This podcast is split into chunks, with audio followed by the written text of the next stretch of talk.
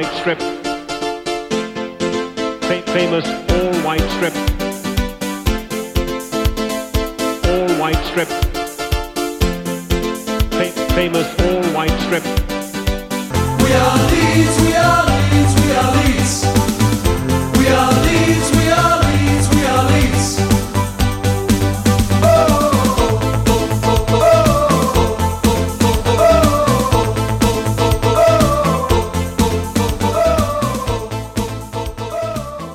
Hei sann, du hører på episode 36 av White Noise, som er podkasten i regi av supporterklubben til Leeds United. Eh, Vi skal i dag ha en oppdatering om situasjonen rundt eh, pausen av eh, serien, og så skal vi snakke litt om regnskapet for 2018-2019 eh, til Leeds United. Og så skal vi avdekke noen veldig dårlige spillere i Leeds-drakta. Vi må jo i disse tider eh, holde avstand, så vi sitter da på tre forskjellige steder over eh, det fantastiske internettet eh, via Skype. Og lyden kan derfor være litt annerledes enn den vanligvis pleier å være, men eh, vi satser på at det skal bli bra. Først så eh, får jeg introdusere eh, meg selv, Anders Palm, eh, og jeg har med meg da fra Hansastaden, tidenes hit, Runar Edvardsen. Hei. God dag. Du likte tidenes hit, at jeg dro fram den igjen? Ja, det, føler meg som tidenes hit om dagen. Så jeg syns at det, man bør børste støv av eh, både tittel og de, alle de elitestraktene jeg har med nummer én på ryggen og tidenes hit. Så det, det er festantrekket mitt for anledningen. Nydelig. Eh, hvordan er eh, samboerlivet i eh, disse koronatider? Nei, det er sikkert som majoriteten av befolkningen kjenner litt på, at det blir eh, det blir skilsmisse eller unger ut av eh, å gå oppå hverandre 24-7 i flere uker. Det er, liksom, det er ett av to alternativer nå. Så får vi se, får vi telle opp om ni måneder i hvilken, eh, hvilken kategori vi eventuelt befinner oss i. Ja, du sitter vel litt på hjemmekontor som alle andre i, i Norge i disse tider, og, men uh, kona di er jo uh, i helsevesenet, så hun er vel uh, litt ute av heimen? Ja, nå er hun det. Vi var i Barcelona i midten av mars, så når vi kom hjem så var vi da to uker der begge var i karantene. Så det var jo Ja. kjempegøy.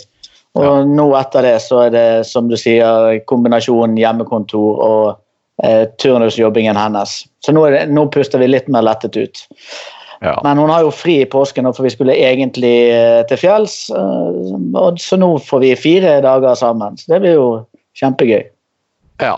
Nei, men Da er det jo greit å få en liten pustepause med en, eh, med en, en podkast. Så har vi med oss fra Tigerstaden eh, Samurai eller Sven Rune Johansen. Hei sann. God dag. Og Forrige gang så vi spilte inn, så lå jo du nede med alskens sykdommer, men eh, du har kommet deg nå og er immun mot det aller meste? Nå er jeg kommet meg og frisk og immun mot det aller meste. Alle de fem sykdommene som ble påbrukt i studio forrige gang, har jeg kommet meg fra. Ja, Det er flott. det er flott. Eh, Og du er litt sånn hjemmekontor og blanda på deg òg, eller? Det er litt blanda på meg. Jeg jobber vel eh, litt halvparten eh, både hjemme og på jobb, så i dag er jeg faktisk på jobb når vi sitter og spiller inn dette. Ja. Hva syns arbeidsgiveren din om at de bruker arbeidstiden i disse på å spille inn podkast? Kan dette få konsekvenser for deg? Eh, nei, absolutt ikke. Jeg jobber for det første gratis i dag. Eh, og har en del jeg skal hente inn. Og det er det administrative jeg skal ta meg av i forhold til litt på jobben. Så det er ikke noe at jeg må være til stede på noe eller følge med. Så er det jo sånn at uh, fotballivet er jo preget av denne covid-19-situasjonen og er satt på pause inntil videre. Og det aller siste som er kommet uh, fra EFL, som gjelder championship, som vi jo vi er mest opptatt av, uh, er at sesongen da er utsatt inntil det er trygt å spille igjen. Men så er det jo sånn at uh, Leeds-spillerne har blitt sendt hjem fra Torp Arch. Uh, de har da fått et treningsopplegg med seg hjem og må registrere treningen i en app og sende bilder av vekta hver dag og sånn. Uh, der kan man vel fort jukse litt, Runar. Det der med å sende bilde hjem av vekta, det har vel du erfaring fra? Ja, jeg, hver gang noen hver, Altså, jeg, jeg har en kamerat som er veldig på å trene om dagen og bruker mye tid og energi på det og filmer vekten sin. Jokke heter han, hvis noen lurer. Men altså, jeg har et gammelt bilde fra som jeg tok eh, en gang jeg var ung og tynnere på mobilen min, så jeg sender jo alltid bare det i retur. Sant? Og Der står det jo 68,5 kilo. Så det, selv om jeg er 82, så internett vet jo ikke det. Så jeg føler at her er det mange muligheter til å jukse litt. Ja, det er jo ikke så mange som har avis lenger, for det var jo en eh, klassisk måte å vise at man eh, tok et bilde som var akkurat den datoen, sånn som sånn kidnapper og sånn gjør på film. Men eh, det er ikke så lett når man ikke da har, eh, har avis trykt i postkassa hver dag lenger. Men man kan jo ta et bilde av seg selv foran PC-en som er påskrudd med en dato, men selvfølgelig kan man jukse der òg, Nei, Det blir ikke så lett, men vi, vi får tro at, eh, at, spillerne i Leeds United de er uh, ivrige til å følge opplegget fra klubben og har ikke lyst til å, bli, uh, å komme tilbake som en liten sånn chubby check. Så, um, så de, er nok, uh, de følger nok dette her. og Jeg leste et intervju med Rob Price, som da er sjefsmedisinsk uh, ansvarlig i Leeds United. Og han uh, sa at de var veldig godt forberedt på stengingen av Torp Arch, så de hadde startet forberedelsen allerede i januar, når de begynte å lese seg opp om dette viruset. og de hadde da klart et, uh, en slags pakke som de da kunne sende ut til spillerne når de ble sendt hjem fra Torp Arch. Og i den pakken så var det visst en, en, sånn uh, sykkel, sånn uh, trimsykkel og en del andre rekvisitter for å kunne trene hjemme, i tillegg til da selvfølgelig et, et program og også et kostholdsopplegg som gjør at de skal holde seg i form, og selvfølgelig også da holde vekten. Og her ligger det jo også en del rundt dette med vitaminer og sånne ting. Han skrev også det at de vanligvis hadde ganske gode forberedelser rundt, uh, rundt uh, virus-influensasesongen, uh, og i oktober så pleide de da å vaksinere alle og sette de på en sånn vitaminboost-kur for for å unngå sykdom. Så er det jo sånn at det er jo ikke så mye man kan gjøre i forhold til det med å trene eh, på fotball. Hvordan, hvordan, tror du det er for en toppspiller å, å, bare skulle trene fysisk og uten ball da, Runar? Sikkert kun Jack Harrison som syns det er gøy. Han er jo helt enorm på Instagram med alle mulige fysiske økter. Sånn. Han går jo på én arm og tar armhevninger med å puste opp og ned. Sant? Han er jo helt syk i hodet, fyren.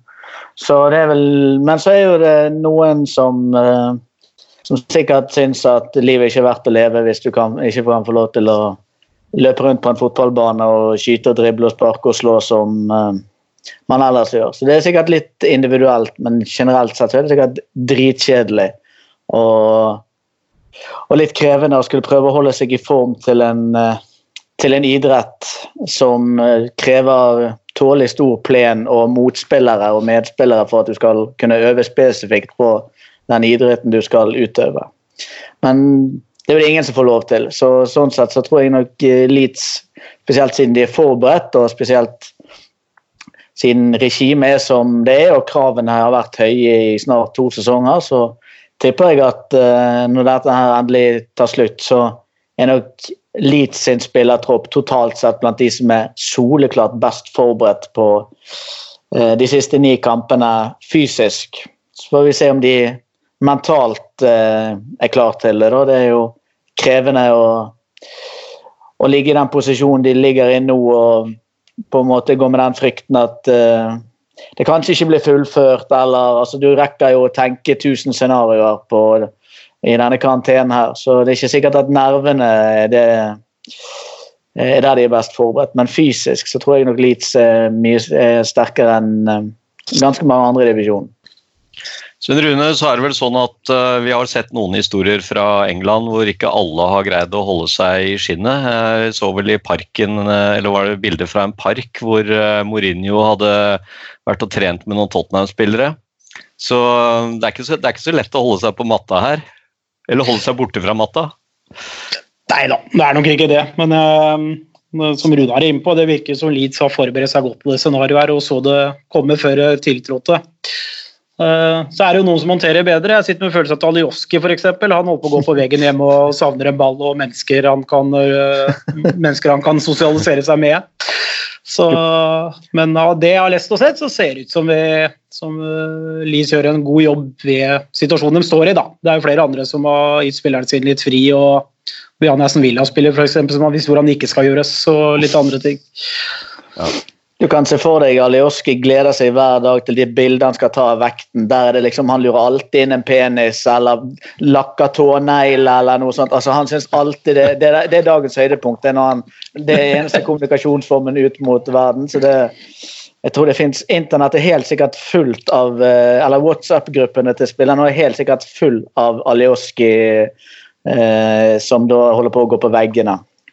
Vi ser, jo, vi ser, jo, litt sånne små hjemmevideoer eh, fra forskjellige av spillerne. Jeg så jo Eiling jeg drev og trente med dattera si og fikk henne til å legge seg, eh, som litt sånn eh, hans spesialitet er, å legge seg framover og få frispark.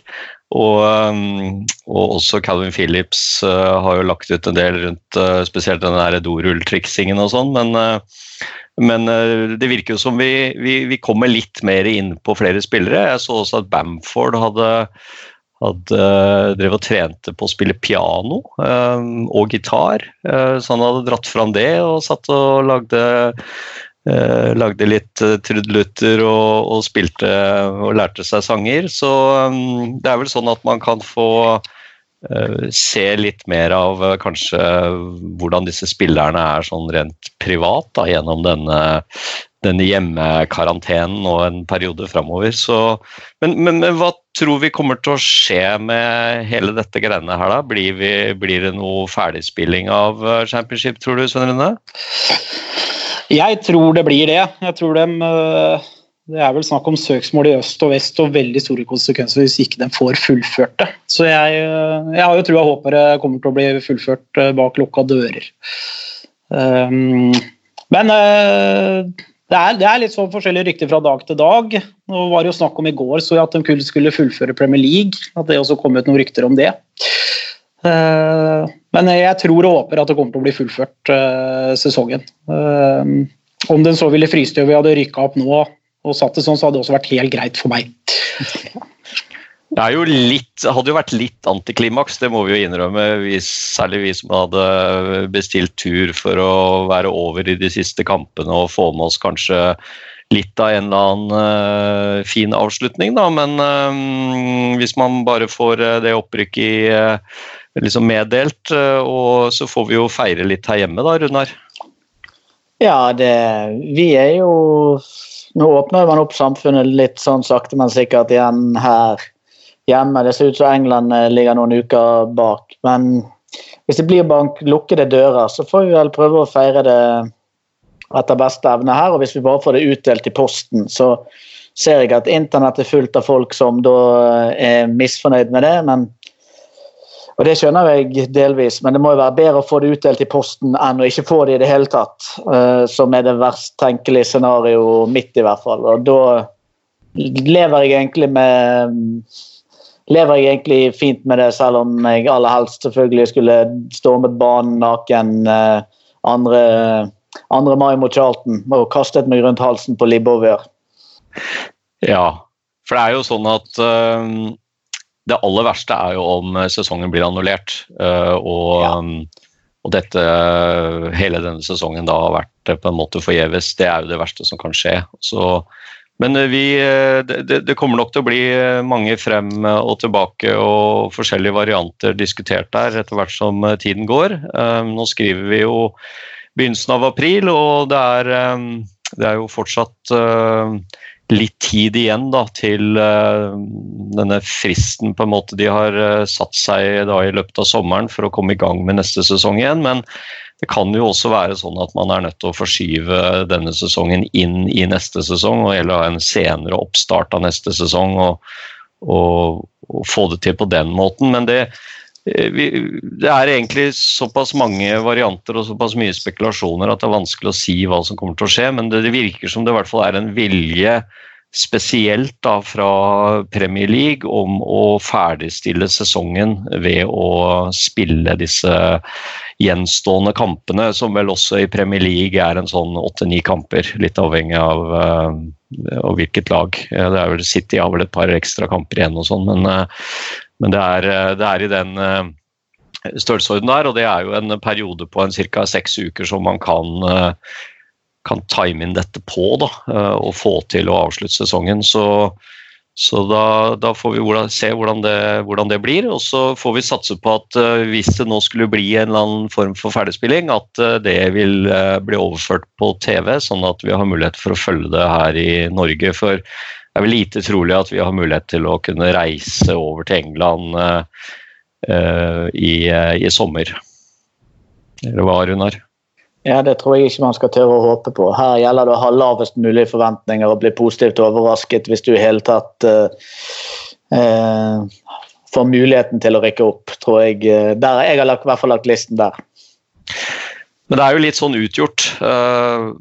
Det er jo mange som mener at Leeds har vært et veldig uheldig lag, og veldig mange Eh, spekulasjoner om at mange er imot oss. Eh, og alt fra, fra FA til EFL og Uefa og, og verden som sådan. Og, eh, men ja, du kan banne på at han idioten som spiste flaggermus nede i Kina der, han har jo et hat for Han har, han er, han har sikkert hatt en sommerjobb i FA for ti år siden. Han har bare, bare har lært det at han skal hate Leeds, så dermed så spiste han den flaggermusen og spyttet en eller annen i trynet, sånn at så sykdommen begynte å spre seg. Så det er garantert dette er det FA som står bak hele denne virusepidemien.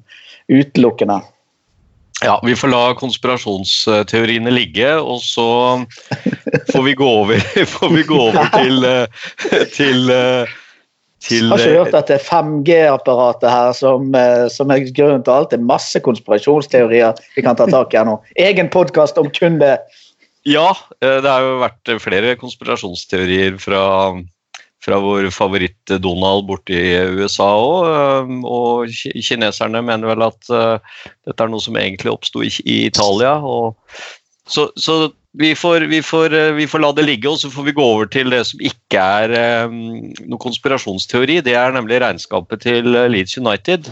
Det ble, det ble offentliggjort her nå på, på, onsdag. Og det viste jo som ventet en økning av både inntekter og kostnader.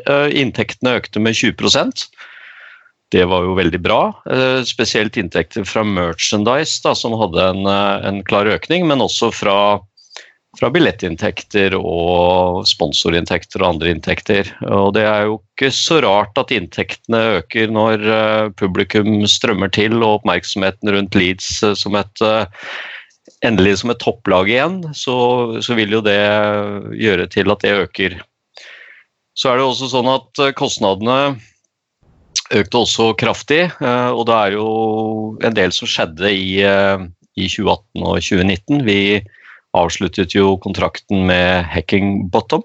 Eh, han hadde jo en, en lengre kontrakt enn de, de, knappe fem månedene han ble sittende, Runar. Hadde han en toårskontrakt? To og et halvt år, tror jeg. Og så er det sikkert regulert, men det er etterlønn i tolv måneder. og så hvis du får en ny jobb, så er det et eller annet mellomlegg eller noe. Nå tjente jo ikke han enormt mye penger. Da. Sikkert, eh, jeg tror Phil Hay har sagt noe sånt som 500 000 eh, pund. Men du hadde òg etterlønn på Kristiansen, som fikk sparken i januar året før. med deg inn i den sesongen der, så det ligger jo litt kost eh, på gammel på å si moro, men, eller gammel umoro. Ja. Eh, i hele regnestykket. Men det vil jo det alltid gjøre i fotball. Du må jo alltid betale for en eller annen idiot som du ikke lenger liker eller har eller vil bruke. Sant? Luke Murphy fikk jo sikkert lønn i fem av Leeds i de fem årene han var der, men han spilte jo fotball der i ett og et halvt år omtrent. Så det er jo Det er vel litt av uh, usjarmen med fotball. Ja, og så er det jo andre kostnader selvfølgelig rundt dette med, med at man eh, har uh, flere tilskuere på kampene, så gjør det jo at man må ha flere folk ansatt i Leeds. Uh, det er jo selvfølgelig økte spillelønninger etter at man får inn nye spillere med høyere krav, og disse lånespillerne må man jo betale både lønninger til, pluss ofte et sånt låne, lånegebyr. Eh, og så er det jo selvfølgelig ansettelsen av Bielsa og hele hans eh, hoff, eh, samt oppgradering av treningsfasilitetene på Torp Arch. Ja, det det, er nok noen av disse kostnadene som vi kan komme litt tilbake til det, men noen av disse kostnadene kan holdes utenfor disse her FFP-beregningene. Eh, Bl.a. en del av det man bruker på Torp Arch og, og kvinnelag og en del sånne ting. Så, så det er noen, noen, millioner pund sikkert man kan holde utenom. Og så var det jo selvfølgelig kjøp av spillere også i, eh, i, eh, foran den sesongen. Og da er det jo sånn at regnskapsmessig så blir kjøp av spillere kostnadsført over kontraktsperioden. så Det betyr at kjøper du en spiller for 10 millioner pund og gir han en femårskontrakt, så blir kostnaden 2 millioner pund hvert år i kontraktsperioden da, over fem år. Dette er uh, litt sånn regnskapsteknisk, men uh, det er litt viktig å, å ta hensyn til og, og kjenne til. Og vi, vi, kjøpte jo et par spillere um, før den sesongen, Svein Rune?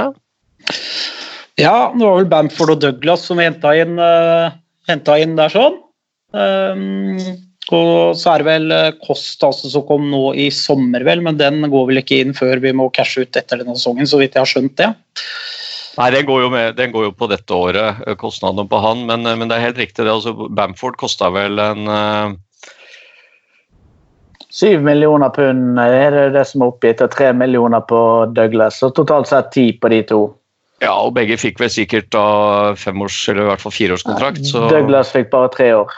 Ja, hans kontrakt så... går ut 2021. Ja, så da har du eh, hans eh, kjøpsum fordelt på tre, og så har du, har du da um, Bamford uh, fordelt på fire, fire, år, da. Men så heldigvis, da, uh, så er det sånn at uh, når vi selger spillere, så er det sånn at man da tar salgssummen man får for spilleren, og så trekker man fra det som er kall det bokført verdi på spilleren. Da. Og det er jo litt avhengig av er det da en spiller som har vært der eh, til slutt i kontraktsperioden, så er jo den, eh, den, verdien eh, null. Og da er jo hele salgssummen gevinst. Og de som også kommer fra eget uh, akademi, vil jo også ha en lav verdi i regnskapet. Så hvordan var det, Hvilken spillere var det som vi solgte etter den der 17-18-sesongen eh, som, som, har kommet inn her og, og, gjort at vi har hatt 15 millioner pund i gevinst, Runar? Eh, Ronaldo Vieira. Og så er det Jack Clark som de har klart å lure inn på i dette regnskapet her, selv om han var solgt i sommeren 2019. Så har de klart å lure han inn før eh, regnskapsperioden Ja, før 36, da. Ja, selv om man offisielt sett i alle steder står at det er 2. juli eller 3. juli. Men det, papirene er sikkert signert fire dager før, så vi må stole på at det er trygt. Eh, de to, og så solgte man Vidvald i sommeren 2018, men den, han tapte vi sikkert penger på. Han fikk en treårskontrakt og betalte vi 500 000 euro eller pund for. Så solgte vi han til Malmö, han svensken Antonsson.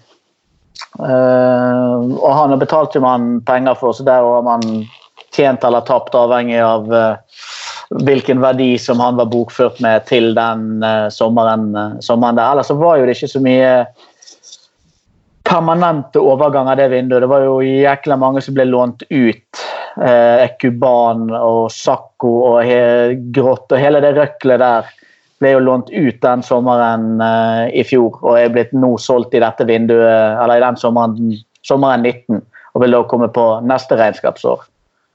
Ja, og Vieira solgte vi vel for ca. 7 millioner pund, og det er klart han uh, var nok gevinst mesteparten. Og så er nok også Clark, selv om overgangssummen der var 10, så er det ikke sikkert at man fikk alt med en gang, sånn at man kunne inntektsføre alt da i, eh, i dette regnskapet. Det kan også godt hende at det er noen sånne ekstra betalinger i forhold til uh, spilte kamper og sånn. Eller hva, Runar? Jo, jo. Eller så, sånn, så har du gjerne tap på to spillere òg, Sånn at hvis du har fått 17 inn og må ta to millioner pund i tap på to andre, så blir det 15. Så, men ja, det er helt sikkert som du sier. Vi vet jo ikke Det som er litt synd nå, er jo at overgangssummer er alltid undisclosed fee. Eh, og dermed så er det alltid en spekulasjon om det er seks, syv, åtte eller fire. Sant? Det er egentlig en jævlig uting i i fotball at ikke, at ikke man eh, er tvunget til å offentliggjøre deler av de avtalene der, sånn at uh, publikum uh, en, kan vite hva klubbene bruker av overgangssummer på, på spillere.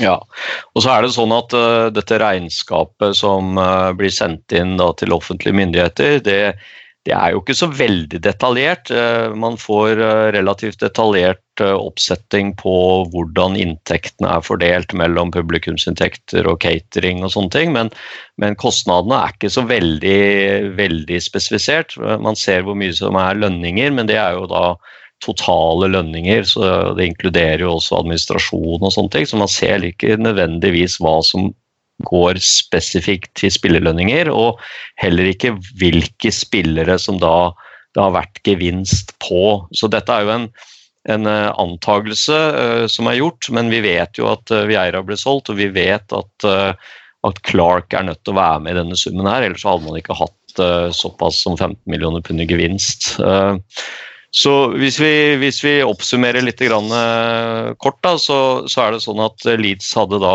totale inntekter på 49 millioner eh, pund. Um, og det er jo klart mest i, i championship. Kan jo se på f.eks.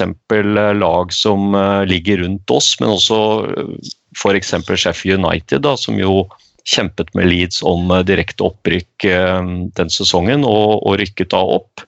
De hadde da 21 millioner i omsetning, så det er under halvparten da, i, eh, i omsetning. Uh, mens uh, Bristol City og Nottingham Forest for eksempel, de ligger også da på sånn henholdsvis 30 og 25 millioner pund.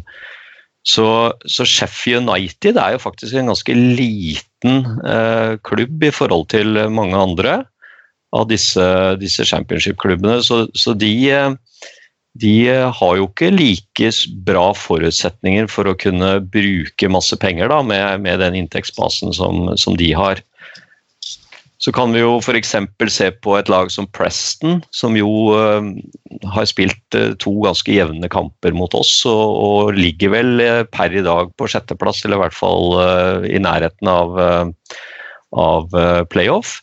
De har da en omsetning på 12,4 millioner pund, ikke sant? så det er jo det er jo ganske stor forskjell da, på, på, disse klubbene, og Leeds er eh, den desidert største klubben i, eh, i, championship når det gjelder inntekter. Så er de også den desidert største når det gjelder kostnader. De hadde da 85 millioner pund i kostnader i, eh, i dette regnskapsåret. og Til sammenligning så ligger da tallene fra Sheffield United og Forest og Bristol City og Reading og disse andre lagene på på ca. 50 millioner pund. Så, så det, er, eh, det, er, betydelig høyere også da i Leeds. Eh, nå er det klart en, en større klubb eh, med en større stadion og, og flere ansatte og sånn koster mer, men, men, de har også satset mye på dette opplegget til Bielsa. og og selvfølgelig også da med spillere som man har lånt inn og satset på. Så så driftsresultatet til Leeds er da negativt med 36 millioner pund, og det er ganske heavy. Eh, så de er jo avhengig av eh, denne gevinsten fra, fra salget av, eh, av, spillere, som de jo fikk da på 15 millioner pund, sånn at de har et nettoresultat på 21. Og det er omtrent det samme som det også Sheffield United hadde, og, og f.eks. også Nottingham Forest. Så de aller fleste klubbene i, eh, i, championship har betydelig negative resultater. Og det er jo ikke noe som en vanlig bedrift vil kunne leve med over tid. Da er man jo avhengig av at eiere spytter inn penger og dekker opp dette underskuddet. Så de som uh, babler om at Radriziani ikke har uh, penger og ikke har satsa og ikke har spytta inn penger i Leeds, de, de, er litt ute på jordet, Runar. Ja, kort fortalt. så, så, sånn er Sånn er det. Um, er det noe mer vi trenger å, å, snakke om rundt regnskapet der, eller skal vi si at det er omtrent sånn som vi har forventet? Når det gjelder dette FFP reglementet så er det sånn at man da over tre år kan tape maks 39 millioner. Og nå har jo da Leeds uh, I fjor så tapte vi bare fire, sånn at uh, i år så kan vi da tillate oss å tape ca. 15 millioner pund og allikevel være innenfor det FFP-reglementet så er det, som vi nevnte tidligere, noen kostnader som holdes utenfor. Sånn at um, kan kanskje være et par millioner pund. Så, så ca. 15 millioner bør vi kunne greie å holde oss innenfor i årets sesong. Vi kjøpte, vi kjøpte jo ikke så mange nye spillere, og vi, vi, vi um, solgte jo en god del, som Runar nevnte, foran denne sesongen. Som uh, Saiz og, og Peacock Farrell og Pontus og Roof. Men, men, det var nok nødvendig også. Jeg tror jeg nok vi har et, Så vidt jeg kunne regne meg fram til, så har vi et transfer eh, si, eh, overskudd på de avtalene der på 14 millioner euro eller noe sånt eh, hittil i, hittil i år. Så det går nok eh, eh, akkurat, men hvis vi blir værende, så må nok, eh, så må det selges en spiller, og han må nok mest sannsynlig selges uh, før eh, 30.6., tipper jeg.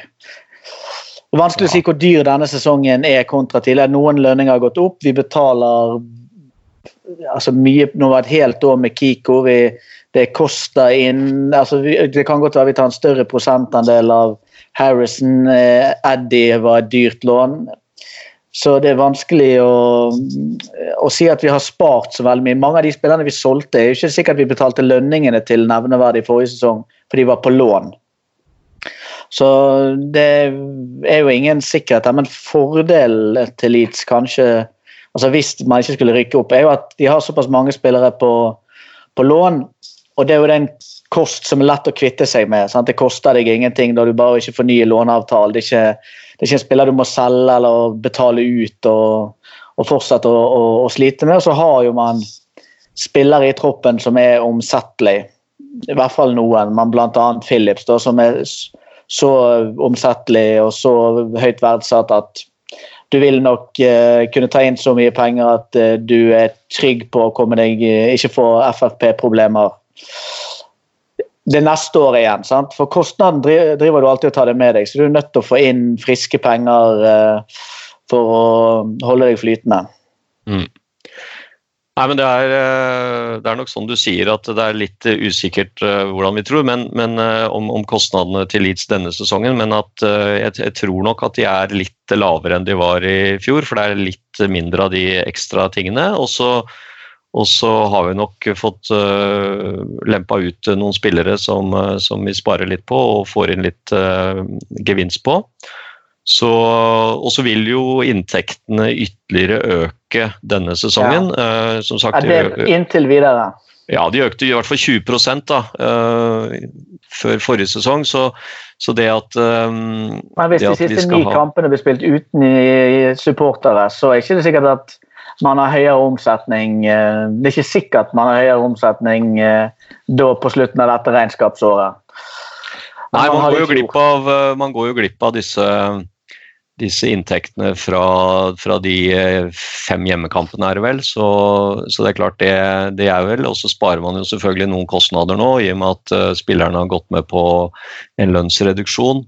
Men men uh, det, er en, uh, ja, det, er nok ikke en positiv uh, greie om ikke de siste ni kampene blir spilt. Men er ikke det bare en utsettelse på lønn? Nei, de har vel uh, avtalt Jeg har forstått det sånn at, de har, det er en, at det er en utsettelse. så Ingen skal tjene mer enn eh, jeg mener det var 6000 pund i uken frem til ting virker igjen. Og da skal de få etterbetalt uh, det, som er, det som de sier det som utsettes nå. Og det er for at det skal være likviditet nok eller penger nok til å betale non-playing staff, eller hva det er de kaller det. Kan godt sånn jeg har hende. Ja, det er jo i så fall uh, mer en sånn øh, likviditetssak da, uh, enn at man sparer penger, for da vil jo det komme inn på regnskapet uansett. Men vi får, vi får se litt, men, men, uh, men uansett så er jo dette viser ganske klart når man setter seg litt inn i disse regnskapene til de forskjellige klubbene i Championship, er jo at det er en, det er en veldig usunn utvikling, og det er jo ikke en bra greie hvor eh, alle klubbene går med dundrende underskudd og er avhengig av at eierne putter inn penger. Da er jo et eller annet gærent med kostnadene. eh, Og da er jo i hovedsak spillerlønningene. da, så så de spillerlønningene som er i championship dag, de, eh, de er ikke i tråd med de inntektene som finnes i de klubbene. Så, så det, er en, eh, det er en sånn vond eh, galopp, dette her. Og så er det jo forskjellen mellom championship og Premier League er jo også helt uh, ute av proposisjoner. Altså det er jo proposisjoner, det er jo sånn at Leeds, som da er den klubben som har hatt vist flest ganger på TV i championship, har da opptil tre millioner pund i inntekt fra TV. Den dårligste klubben i Premier League, Huddersfield i fjor, hadde 100 millioner pund i inntekt fra TV. Så det er jo liksom Det er, det er et gap der som, som jo er eh, Altså, det gapet er dobbelt så mye som omsetninga til Leeds. Uh, og det sier jo liksom at uh, dette her, det, det, det henger ikke helt på greip. Så, så vi, får, vi får se om, uh, om FFP er med på å gjøre noe med dette, eller om kanskje denne koronakrisen faktisk kan medføre at det blir det blir uh, shaka opp litt her, men uh, det er ikke bra. Uh, men, eh, men Leeds satser. Radretiani har satset. Han har, han har finansiert underskuddene til, eh, til klubben nå. Og eh, Leeds er de som desidert bruker mest penger, men også som har de desidert beste forutsetningene for å kunne bruke penger. Da. Kort oppsummert.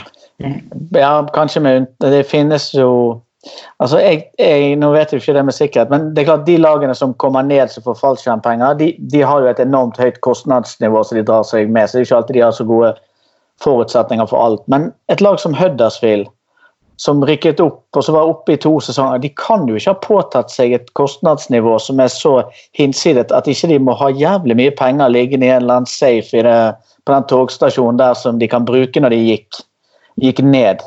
Jeg skjønner ikke det, jeg, De kan jo ikke plutselig ha en haug med spillere på 40 og 50 000 pund i uken når de rykket opp med et lag som sikkert tjente 7500 pund i uken. Altså, ikke det, det er mye rart i denne, eh, denne fotballøkonomien. Det er, vel, det er ikke alt som gir mening.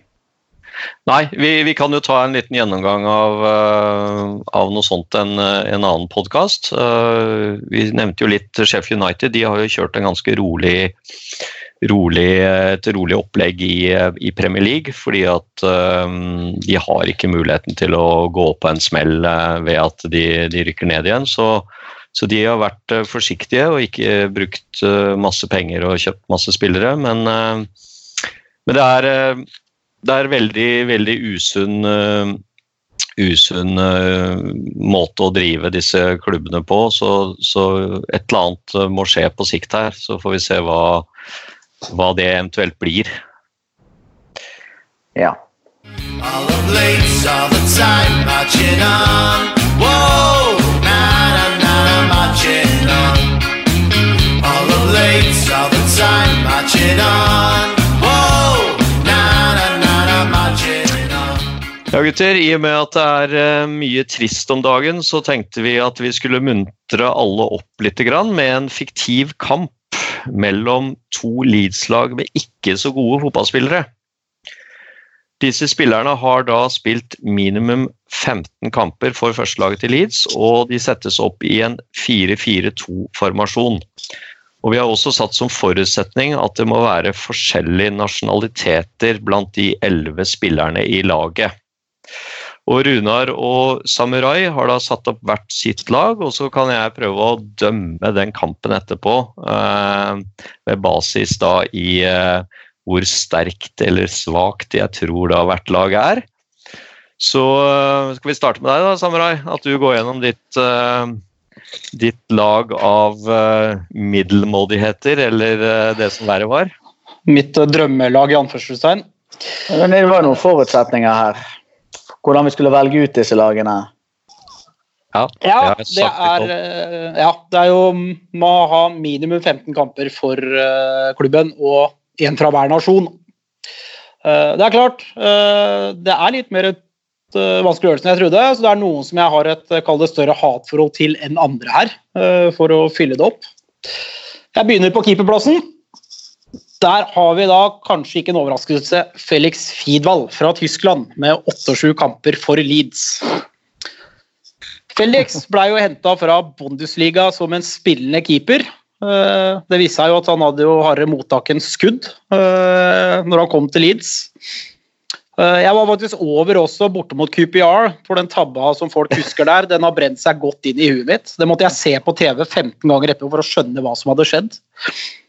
Så altså en liten eh, morsom historie rundt den.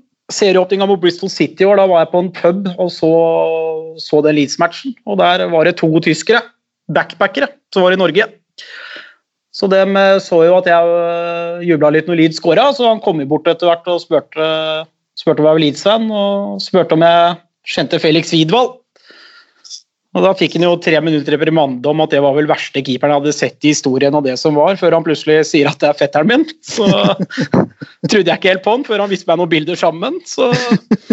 Men så blei vi enige sammen om at han hadde vært veldig dårlig Leeds, så det, det gikk greit.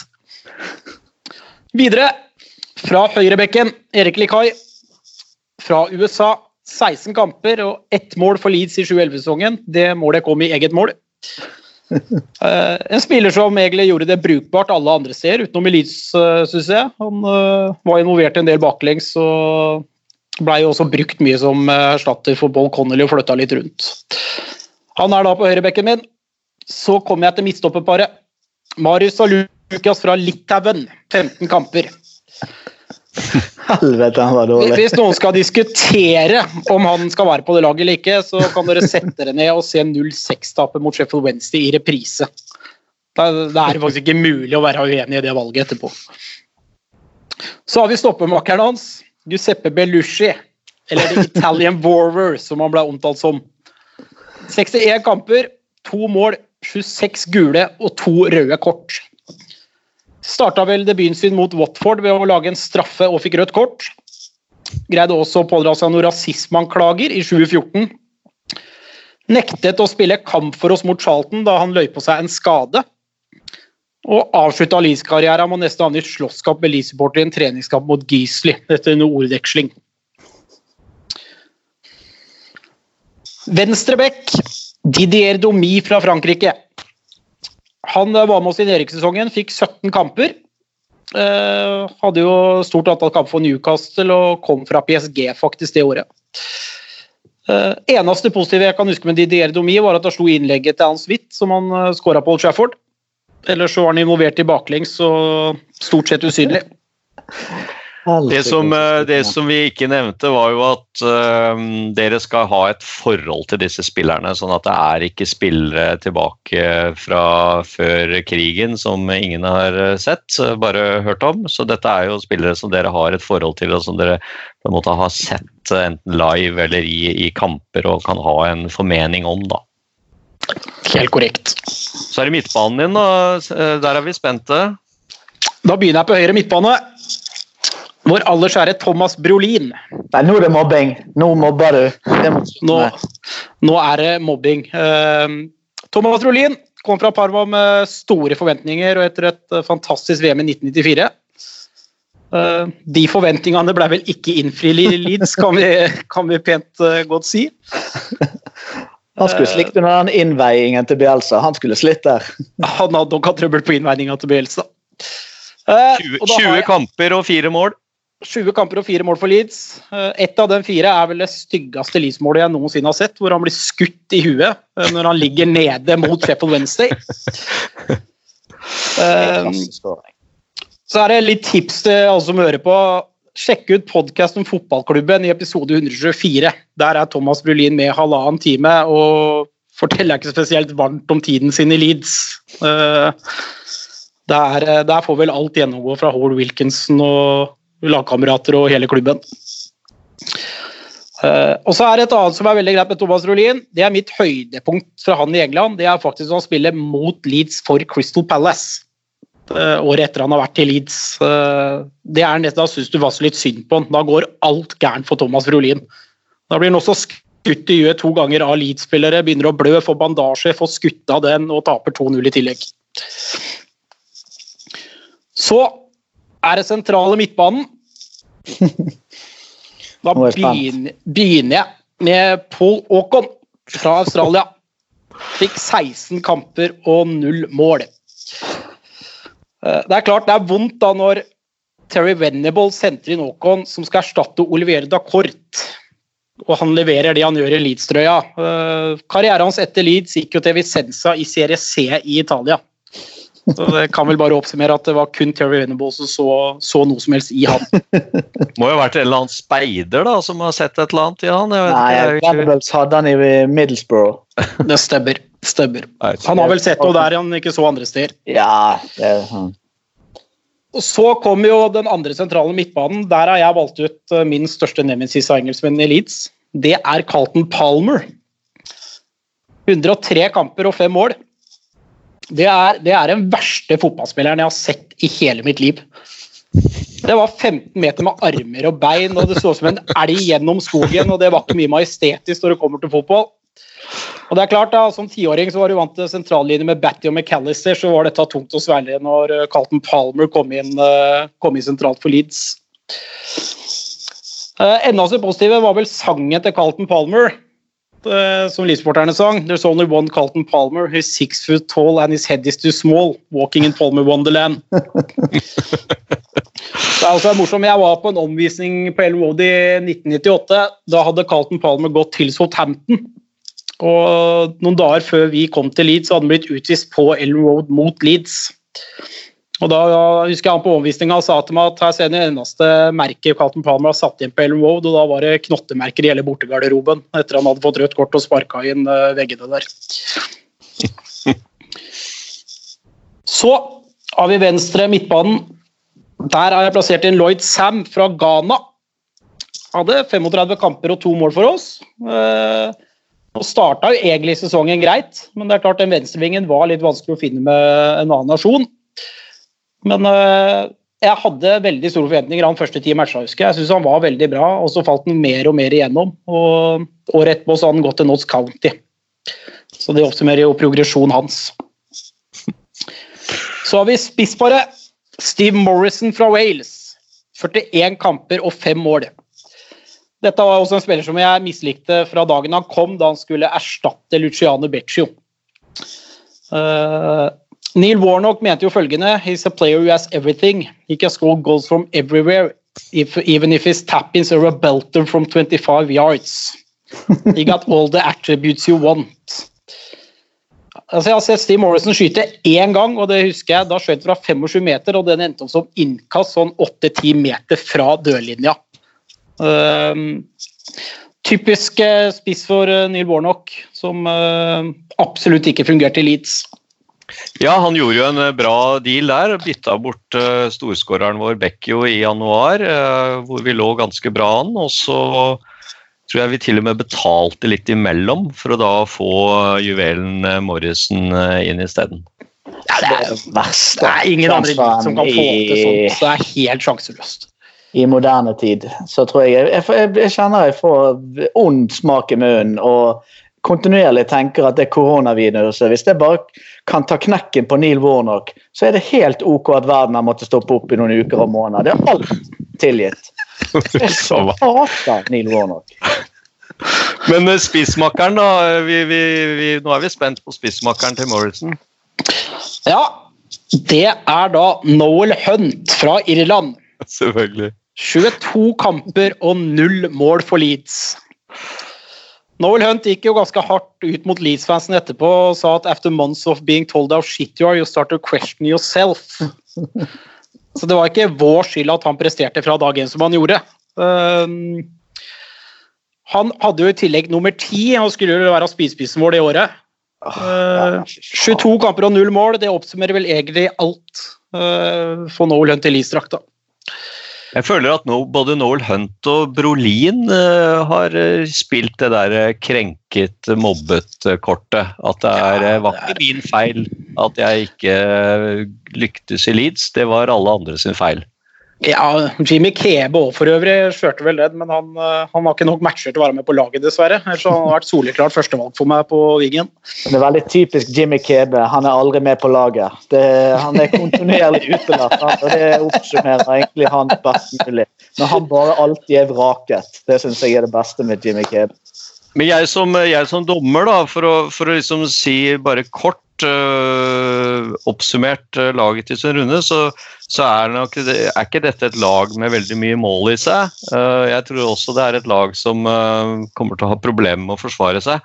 eneste jeg kan se av en, av en viss offensiv uh, mulighet der, er de lange innkastene da, til Erik Lichai, som jo kunne faktisk kaste inn som omtrent en corner. Så er det jo spørsmålet da om, om Carlton Palmer kan være der med sine lange lemmer, eller om det er Morrison som, som kan flakse inn et, et, hodestøt på et av de cornerne. Jeg kan vel heller ikke se at Brolin eller Sam kommer til å bidra veldig mye offensivt med gode innlegg her, men vi, vi, vi får vi får la det hvile litt, og så får vi se på hva slags motstandere da dette laget skal opp mot. Og Runar, du, du har også valgt en keeper. Ja, jeg kjører en tysker i mål. Ikke den, den ene tyske keeperen som faktisk er dritdårlig. Felix Widwald. Så han kommer til å få slite med de lange innkastene til Lihai. For Widwald var jo som kjent altså Han var jo ikke god til noen ting. I feltet var han kanskje dårligst av alt. Uh, og du tror ikke at Lloyd Sam uh, og Brolin kan by på noen problemer, men du aner jo ikke hvem jeg har på bekkene. og så Sven hadde jo Didier Domi som venstreback. sant? Og Da jo, ble jo regel fort aldri sø, ha en sideback som har spilt i Newcastle. Og jeg slenger jo inn Anita på høyrebacken, og den tjukke rumpen og den vraltingen til Anita kommer jo til å få svi av Lloyd Sam. Kommer jo til å danse med Anita ute på siden der. Så det, det er jo rått parti. Uh, Midtstopperparet mitt det er jo som Sven sitt, fullt av kvalitet. Jeg kjører òg inn uh, uh, Saljukas. Uh, igjen bare henviser til 06-kampen eller 6-0-kampen. Jeg husker ikke om det var hjemme eller borte, men se det, grin. Tørk tårene og tenk på noe annet. Med seg i Forsvaret så har jo han Hayden Fox. Og Da har sikkert de fleste glemt at Hayden Fox, hvordan han så ut, hvem han var, og at han helt tatt har spilt for Leeds. Men han plukket vi altså opp i denne her siste, siste sesongen i Championship før vi rykket ned til League One. Skadeskutt gamling fra Australia, men fra Portsmouth i dette tilfellet. Man har alltid assosiert folk med rødt hår og uten tenner som gode, gode stabile fotballspillere for Leeds. Bremner og Hopkin og den gjengen der. Og så kom, får du et bilde av Hayden Fox som ser ut liksom som kjærlighetsbarnet til David Hopkin. Og tenker at dette går jo bra. Og så er han bare Altså, det er en kjeks Altså, Matt Heat erstattet han i løpet av sesongen fordi Matt Heat var bedre. Og Matt Heat var jo så dårlig at uh, han fikk jo Michael Dubray til å se god ut. Hayden Fox er han har den britiske utgaven av Sir Lucas. Det er, eller den britiske fra Australia, men uh, engelsktalende utgaven av Sir Lucas. Oh, så dårlig. Alle lag trenger en uh, god venstreback. Eh, men dette laget her kan ikke vi by på noe sånt. Venstreback ble liksom alltid sett på som en sånn problemposisjon fra da jeg vokste opp. Sant? Vi hadde Ian Hart, han syntes vi var god, helt til han en gang ble fraløpt fra, av David Beckham med ball. Så begynte man å stille spørsmålstegn om at kanskje bekken òg skulle kunne løpe. Og etter det så slet man veldig. Så rykket man ned, og så var det jo Danny Pugh og Matt Kilgell eh, som måtte starte sesongen der. Bare måtte finne et eller annet som kunne spille til venstre. Og ut av det blå så kjøpte man Stephen Craney. Og så ja, U-landskamper for Skottland. Sikkert født skallet, og, men rødlig skjær. Du tenker igjen dette her er bra. Får du sånn skikkelig jern opp og ned langs venstrebekken der? Nei. Verdens dårligste spiller. Enhver hver pasning kast. Alt ble kast. Aldri vært mer skuffet. Han tror jeg vi faktisk betalte penger for når vi hadde rykket ned. og Det var jo helt absurd i seg sjøl. Opp på midtbanen, en midtbane der det oser av kvalitet. Seb Carroll inn til høyre. Han har en nasjon som jeg ikke kan finne på kartet, men han er i hvert fall eh, ikke fra en eh, nasjon som ellers representerte denne troppen. Ble jo liksom hentet inn for et sånn kreativt alibi den siste sesongen i Championship før vi rykket ned. Jeg vet ikke hva han var alibi for. Det må ha vært for noen kriminelle i Bradford. Det var i hvert fall ikke noe sportslig alibi eller kreativt alibi for noe som helst. Han var ikke spesielt imponerende. Sentralt på midtbanen så er det moderne tids eh, Carlton Palmer. Mann med bare armer. 15 meter armer, var det det du kalte Carlton Palmer? Her, han er kanskje bare på 12,5. Digaragua. Det var kjempesignering av Steve Evans. Steve Evans er jo som kjent eh, veldig god på å plukke en god enkeltspiller og signere dem. Denne spilleren fikk jo være i Elite seks måneder før han var uønsket lang, keitete. Altså, jeg, det var grusom, grusom karriere. Det kan jo faktisk ha vært sønnen til Carlton Palmer, ved nærmere ettertanke. Ja, mest sannsynlig så kan han ha feriert på noen øyer i Frankrike i sin eh, ungdom. Og, og sant, liksom når du er 15 meter armer, så vet du sikkert ikke hvor deler av kroppen din har vært i løpet av natten. Så det, jeg, ja, det er meget mulig. Han var høy og hengslete, og jeg, jeg husker jo faktisk han skåret et mål jeg har skåret et mål. Det var ikke ja. litt tidlig òg? Det var brukbart mål òg, det. Jo, og et sånt litt langskudd, tror jeg. jeg mener å huske, som var eh, Jeg tenkte at uh... Han skulle være lavere divisjons Patrick Vieira, men han var Carlton Palmer og 2015. Så det er liksom så Palmer skulle jo være erstatteren til David Batty. Så det er, det er, noe med dette her at du ikke Du får ikke alltid det du bestiller eh, bestiller. Nei, Han hadde jo ikke noe stor karriere etterpå. Han gikk vel på lån til Ipswich, og så var han innom litt sånn Plymouth og Fleetwood og sånn. og Det ble ikke noe særlig hos, uh, hos han. Det var perioden hans i Brentford som han jo på en måte var over tid. da. Spilte ja. over 200 kamper, men uh, ikke noe stor, uh, noe stor fotballspiller, nei. Nei, og Litt av utfordringen med denne øvelsen er jo at det er veldig mye dårlige spillere man kan ha tilgang på, men de har ofte spilt mindre enn 15 kamper, heldigvis.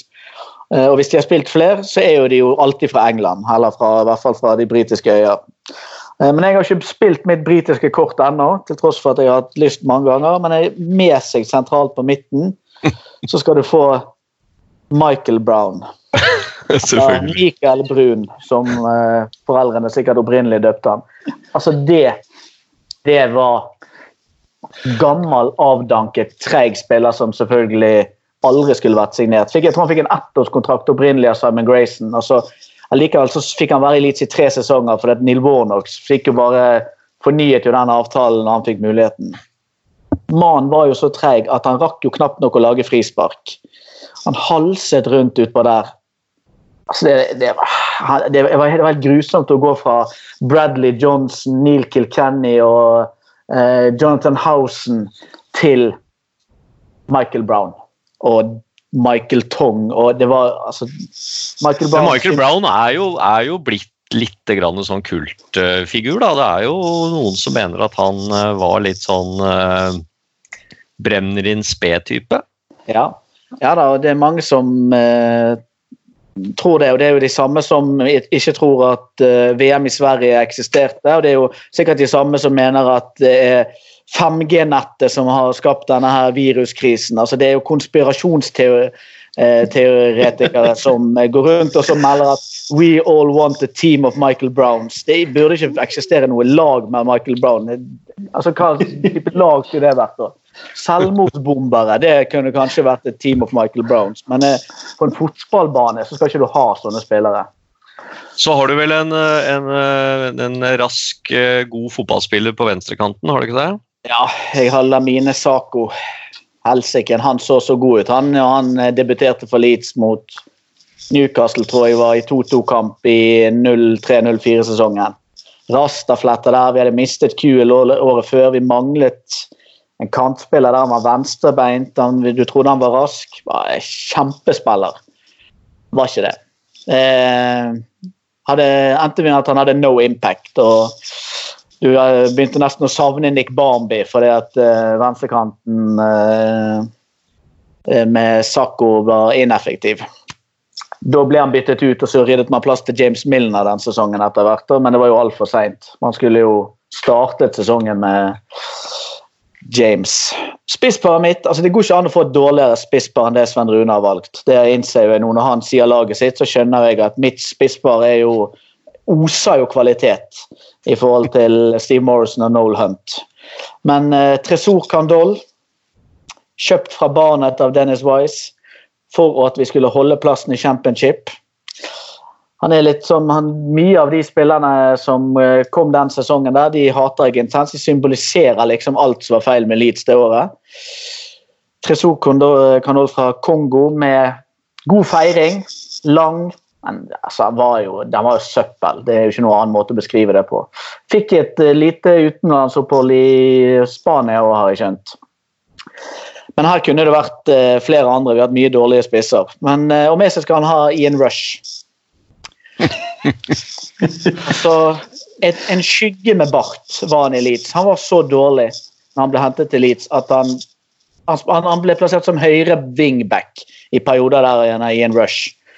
Nei, under George Graham. Han var så forferdelig svak. At eh, hele den gode karrieren han egentlig har hatt det, Jeg vil aldri anerkjenne han som noe tidligere storspiller med gode klubber bak seg. Han bare eh, Helt verdiløs den sesongen i Leeds. Men gikk overraskende nok til Newcastle sesongen etterpå.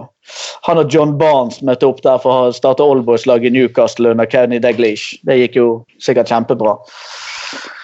Så det er, det er mitt uh, mannskap eh, mot Sven sitt.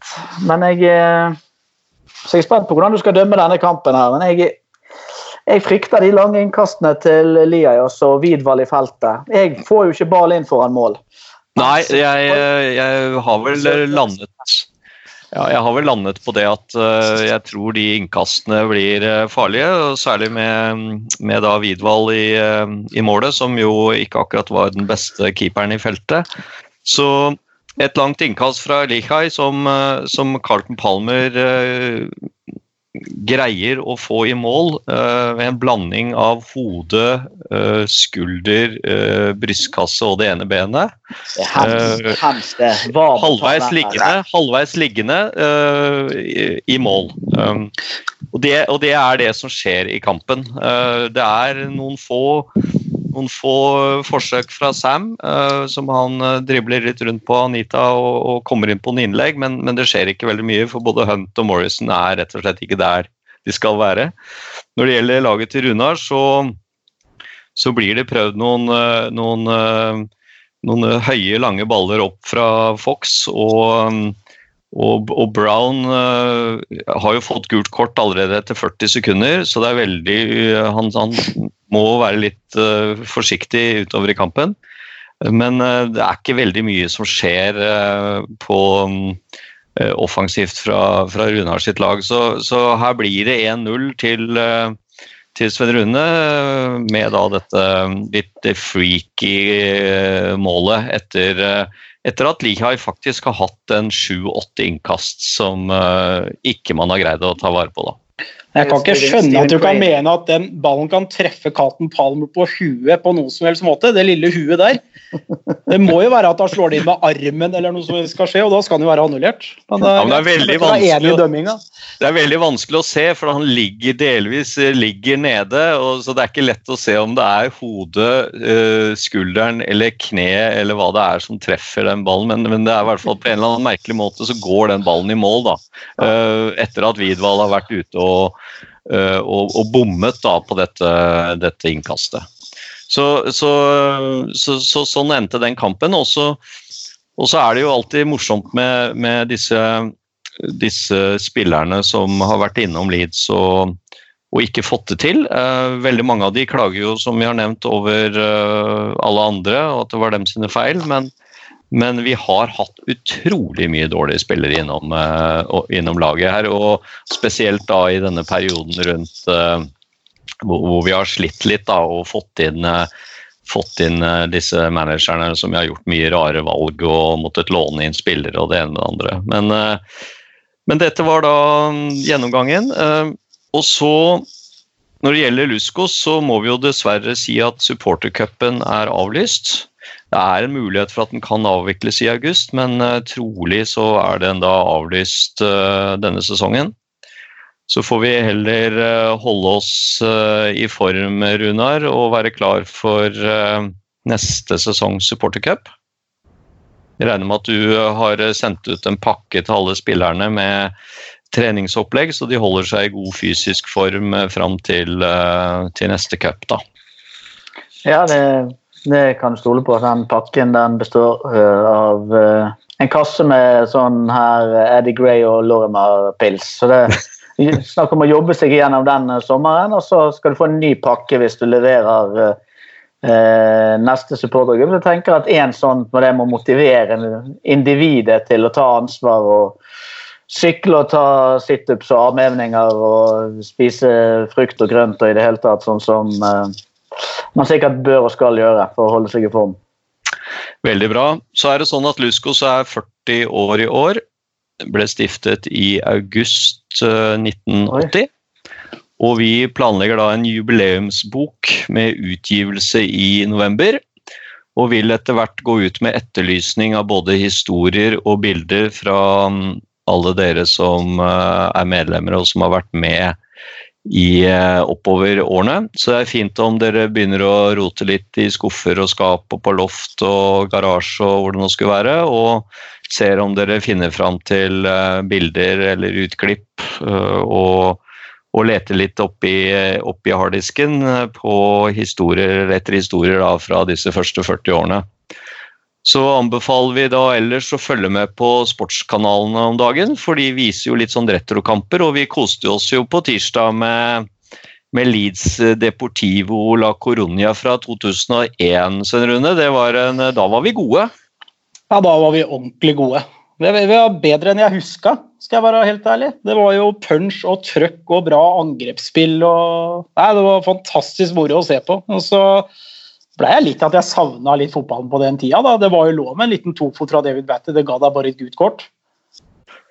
Ja, det var, det var eh, jeg, jeg tenkte også på at noen av de der taklingene, de eh, det, det var litt sånn eh, rødt over noen av de etter dagens standard, men, men samtidig så, så viste det jo også at, at Leeds den gangen faktisk spilte litt sånn der Bielsa-aktig med ganske høyt press.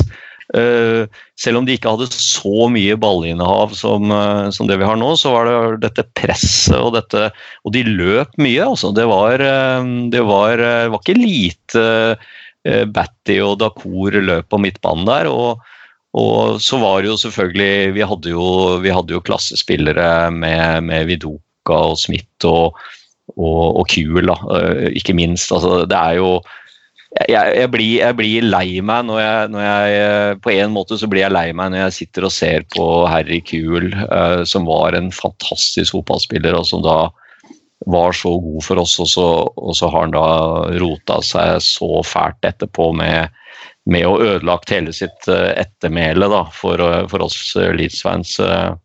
Og særlig da i, i lys av at det nå var eh, 20 år siden denne hendelsen i, i Tyrkia, så, så, var jo dette her uh, det, det, ble som en sånn påminnelse om det, da. Og det, det er klart at uh, Harry Kuhl han uh, var en gudbenådet fotballspiller, og mange sier at han var den beste spilleren de har spilt med på Leeds, men uh, hadde ikke noe som helst uh, ryggrad eller uh, eller hjerne til å skjønne at man ikke da gikk til uh, Galatasaray etter at man har vært med på den hendelsen. Så det var jo en det var, det var, på en måte en, en liten sånn ekstra ekstra tanke rundt den kampen. Da. Men det var, det var fantastisk, Runar, og vi, vi var utrolig gode. Og, og Ian Hart også var jo fantastisk god i den kampen der. Ja, han er vel avgjørende for skåringen. Hammer inn ett, så vel han har vel assist på Smith sitt. Og så er det han som slår corneren, som, da, noen som sikkert en motspiller stusser videre, som Rio header inn på 3-0. Altså, Ian Hart det er jo avgjørende for uh, for resultatet i hele den, den Champions League-sesongen, eh, tror jeg at han har leverer ganske mange målpoeng. Mm. Ja, det, var, det, var, morsomt. Så får vi se om det kan være andre kamper som eh, de viser. Eh, når de etter hvert graver litt i arkivene og dette drar ut litt i tid, så er det jo underholdende å se litt på gamle eliteskamper.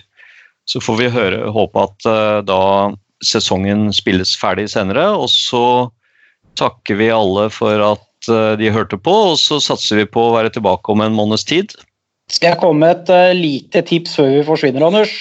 Ja. For dere som er sultefòra på fotball, så er det en app som heter MyCujo. Der går det mye klassefotball gratis. Til lørdag så er det toppoppgjør fra andredivisjon i Bhutan. Som begynner klokka to. Så for de av dere som virkelig savner eh, fotball, så anbefaler jeg å laste ned den appen. Der, der får du se fotball du ikke ser andre steder. Ja, men Det var et uh, godt tips, uh, Samurai. Scout, er det dere ha, så får dere ha en god påske begge to, og så ønsker vi våre lyttere også god påske, og så høres vi igjen. Riktig Hei, god påske. God natt og sov godt.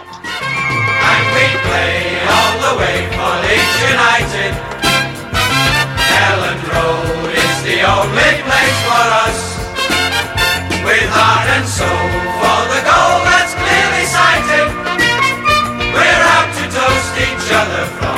silver cup.